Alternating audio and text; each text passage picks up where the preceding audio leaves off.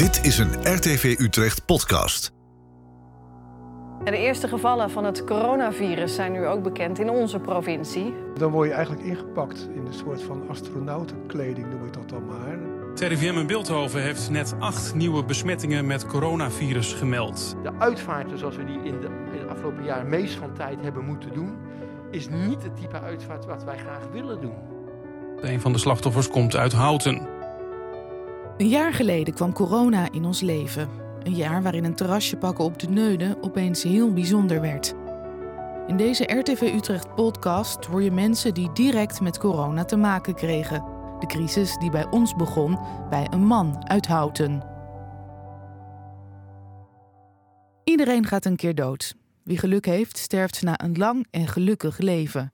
Het afgelopen jaar ging een meer dan gemiddeld aantal mensen dood. Een schuldige aanwijzen is niet zo moeilijk. Want hoewel het coronavirus voor sommigen slechts een griepje is, kan het fatale gevolgen hebben. En wie toch al oud en gammel is en voor wie een longontsteking bijvoorbeeld ook fataal zou zijn, kan ook het coronavirus de genadeklap zijn.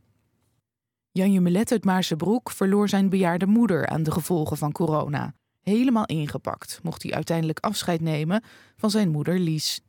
Dan word je eigenlijk ingepakt in een soort van astronautenkleding, noem ik dat dan maar. Met mondkapje en stofbril en dubbele handschoenen en een schort en nou ja, van alles en nog wat, zeg maar. Nog een soort mutsje.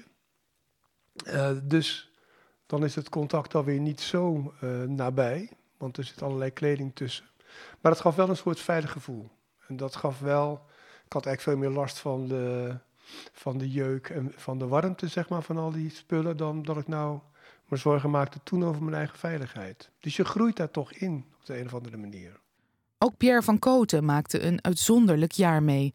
Als directeur van een Utrechtse uitvaartonderneming was het keihard werken, maar ook privé maakte hij veel mee. Zijn bizarre jaar begon toen zijn medewerkers de eerste Utrechtse coronadoden op gingen halen. We zijn toen ook eigenlijk al vrij snel een collega verloren. Niet aan corona, maar aan een hartaanval. Die was bij de, de eerste corona-overledene die die ging ophalen. Uh, voor ons in uh, twee steden ziekenhuis, Elisabeth Twee Steden ziekenhuis in Tilburg. Kreeg hij een hartaanval onder in de catacombe en op weg naar het mortuarium. En hij is overleden, was ruim 25 jaar in dienst. En dat, ja, dat raakt je dan gigantisch. En ook nog eens een keer, omdat het, dan ga ik me even zakelijk door, omdat het zo'n ervaren collega was is, was. Uh, en, je, en dan kom je opeens in een situatie terecht waarin je uh, heel veel uitvaart extra moet gaan doen in een periode. Met een team wat niet meer was zoals het was. En dat maakte dan heel moeilijk. En tijd voor verdriet was er niet. De volgende dag stonden er alweer drie uitvaarten op het programma. En dat is echt heel lastig, want dat, het, het gebeurde, zo weet nog heel goed, uiteraard op een donderdagavond dat ik de melding kreeg dat die, van een collega die met hem mee was. Want we brengen altijd met twee personen over, zoals we dat noemen. En die collega belde mij en die zei van, nou zo, uh, Willem, heet, Willem heeft een hartaanval gekregen en het ziet er niet goed uit. En toen kreeg ik een uur of twee, drie later van de familie een berichtje dat, het, dat hij was overleden. Ja, en dan wordt het vrijdag. En vrijdag stonden er gewoon drie uitvaarten. En die drie uitvaarten, hij was onze vaste chauffeur-verzorger, hij zou die uitvaarten rijden. En dat is heel moeilijk dan. Dat, dat, dat, dat weet ik nu nog, dat ik, ik, ik had moeite met het feit om tegen mijn mensen te zeggen, vreselijk wat er gebeurd is, maar nu gaan we gewoon even over tot de orde van de dag. Want die drie uitvaarten moeten gereden worden. Wij kunnen niet tegen een familie zeggen, ja, er is een collega ziek, zwak, misselijk overleden en we rijden niet. Daar hebben die mensen gewoon geen boodschap aan. Die, die hebben iemand verloren, naast ze verloren, en dat moet weer een mooie uitvaart worden. Uh, maar dat is lastig, want dan moet je opeens heel zakelijk gaan acteren op een, in een heel emotioneel moment. Dus dat was onze start van corona. De moeder van Jan Jumelet woonde in woonzorgcentrum Maria Dommer in Maarsen. Een huis waar corona flink heeft toegeslagen. In woonzorgcentrum Maria Dommer in Maarsen is een grote corona-uitbraak. Ongeveer 50 bewoners en 40 medewerkers zijn besmet. Om de druk op het personeel te verlichten is de hulp ingeschakeld van het Rode Kruis. Vanaf het moment dat er op de, op de afdeling waar mijn moeder verbleef... werd geconstateerd dat daar ook uh, corona was... dat er iemand, toen nog niet mijn moeder, maar positief was getest... Dan ging er een procedure in werking dat op dat moment die afdeling gesloten werd voor bezoek. Dat gold dus ook voor mij. Dus ik mocht niet bij mijn moeder komen, terwijl ze toch uh, op dat moment dus nog negatief was. Omdat verder contact ook moeizaam was over de telefoon en met beeldbellen, want dat ging allemaal niet zo goed meer, was er dus überhaupt geen contact meer. Ondertussen was het bij Pierre van Koten alle hens aan dek. Want dat corona ook dodelijk kan zijn, dat was intussen wel duidelijk. Wij doen normaal gesproken zo ongeveer tussen de 350 en 380 uitvaarten in het Utrechtse per jaar. Uh, dat zijn er nu het afgelopen jaar veel meer geweest. Uh, moet je echt wel denken aan uh, 10 tot 12 procent meer. En dat komt natuurlijk met name door de oversterfte die er is geweest als gevolg van corona. En dat heeft zich eigenlijk al direct gemanifesteerd bij ons in april. We hebben een, een hele drukke aprilmaand gehad. Um, en zo hevig als het opkwam in april, zo snel was het daarna ook weer weg. Want toen gingen we natuurlijk die zomer in. Eigenlijk alle beelden van de grafieken van het coronaverloop uit die periode. Dat is ook het verloop van onze uitvaarten eigenlijk uh, in die periode. En het werk wordt er niet makkelijker op, want in die beginperiode waren ook voor hen de beschermingsmiddelen schaars. En die waren nodig, want wie besmet is met corona, is dat overleden ook nog. Het verhaal uh, gaat is dat het tot drie dagen na overlijden de kans op besmetting er nog is. En dat betekent ook dat we nog steeds conform ja, eigenlijk die kennis hand, uh, acteren. Uh, dus uh, als wij, we vragen bij elke melding van overlijden die wij krijgen of er corona in het geding is. En als er corona in het geding is, dan kunnen we, nou, dan, ligt, is er een protocol wat we ondertussen natuurlijk al drie, vier keer hebben moeten aanpassen vanwege alle veranderingen. Maar dan ligt er een protocol waar de mensen weten, hè, de verzorgers weten waar, hoe te acteren en waar ze zich aan moeten houden. En dan gaan ze ook in vol ornaat nog steeds naar binnen. En ook Jan Jumelet moet eraan geloven. Want niet lang na het uitbreken van het virus in het huis van zijn moeder blijkt ook zij besmet. Hij was er in de eerste weken niet rouwig om dat hij haar toen niet mocht bezoeken. Ja, dat, daar zet ik ook een beetje dubbel in. Aan de ene kant wil je natuurlijk niks liever dan heel dicht bij haar zijn. Maar ik ben zelf 67 en ik behoor zelf ook tot een risicogroep. Dus ik vond het ook wel weer prettig uh, dat er voor mij werd besloten dat ik wat voorzichtig moest zijn. Pas in de terminale fase mag hij weer bij zijn moeder op bezoek.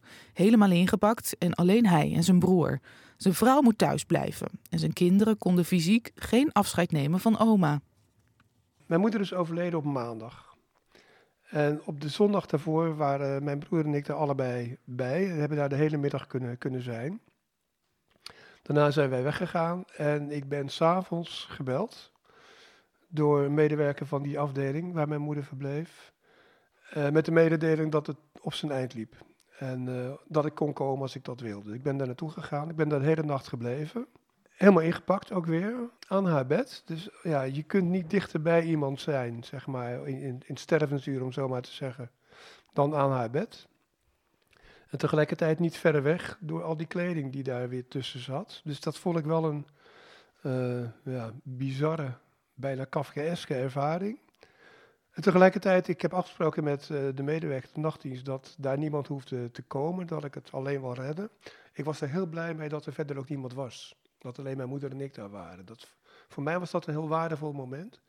Mijn moeder was toen al buiten bewustzijn, dus die heeft daar niks van meegekregen. Die lag aan de beademing. En, uh, maar voor mij was dat heel belangrijk. En terwijl Jan zijn moeder verliest, organiseert Pierre de ene na de andere uitvaart. Na het verlies van zijn collega Willem zou je hopen dat de dood zijn huis voorlopig even voorbij zou lopen. Maar het leven loopt anders. De uitvaartondernemer verliest in het drukste jaar ooit, naast zijn collega, ook zijn vrouw. Zij had uh, een, uh, een, diagnose van uh, kanker. en eigenlijk in, ja, in, de hele, of na de hele behandeling met chemokuren ja, heeft, uh, heeft de corona op het zwakste moment eigenlijk, hè, dat haar hele weerstand op het laagste niveau was toegeslagen. De laatste zware behandeling had ze gehad op een woensdagmiddag en op de donderdagmorgen uh, had ze een kuchje. Ze zou, ik zou haar donderdagmiddag gaan halen om naar huis te komen, want ze mocht verder thuis herstellen. En uh, s morgens was er een kuchje en op de test bleek dat er corona in het spel was. Ja, en toen was het, was het, is het daarna eigenlijk alleen maar een zeephelling geweest. Je glijdt dan alleen maar van eerste instantie in het ziekenhuis blijven, dan een uurtje zuurstof, dan uh, een halve dag aan het zuurstof, dan een masker. Nou, ga zo maar door tot aan, ik word uh, uit voorzorg op de IC uh, geplaatst aan de beademing.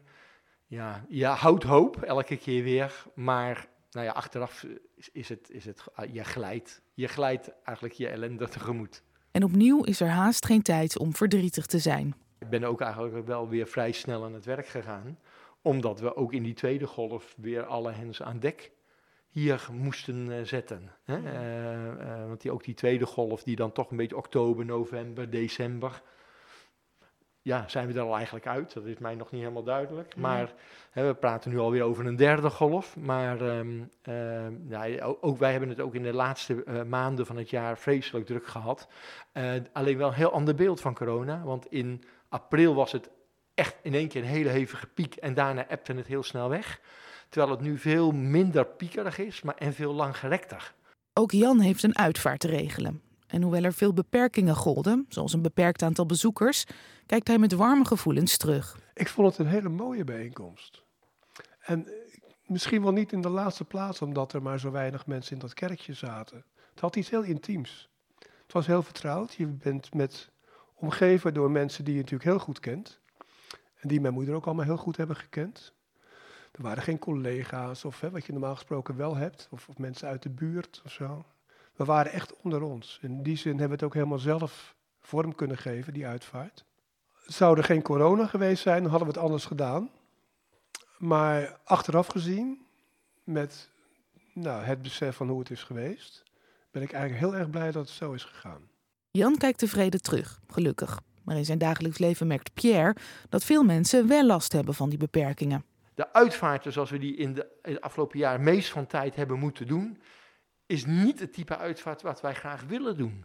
Want het waren natuurlijk allemaal over het algemeen beperkte uitvaarten. Beperkt in mensen, beperkt in mogelijkheden, beperkt in aanraken, beperkt in catering.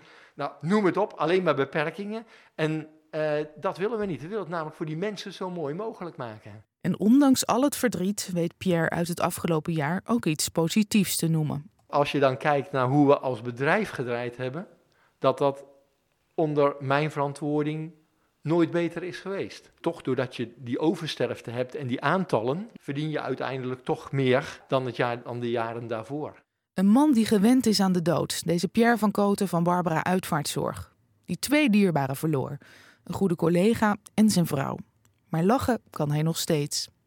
Mijn vrouw zou niet willen dat ik heel treurig door het leven zou gaan na haar overlijden, dat weet ik. En uh, dus wat ik probeer te doen is te kijken naar alle mooie jaren die we hebben gehad. En niet naar de jaren die we niet meer met elkaar hebben gekregen. Daar kan ik namelijk heel zagrijnig om worden. Maar daar is niemand mee geholpen. Ik, ik zelf in de eerste plaats niet. In de volgende aflevering van deze podcast hoor je Nienke en Joost uit Utrecht. Ik weet nog wel dat ik bij mijn zwangerschapstraining voor mannen uh, was. En uh, dat ze het hadden over, uh, nou weet je, dit zijn dan, dit, probeer gewoon maximaal twee keer bezoek per dag te houden, dat je vrouw nog een beetje kan uitrusten. En toen dacht ik, twee keer bezoek per dag, je bent hartstikke gek. Het stel kreeg een paar dagen voor de eerste lockdown hun allereerste kind, Anna. En sowieso heel veel kraamvisite hadden we ook, wilden we ook niet, gewoon om Nienke te laten herstellen en om gewoon rustig aan te doen. Ik, ik heb het niet heel erg gemist.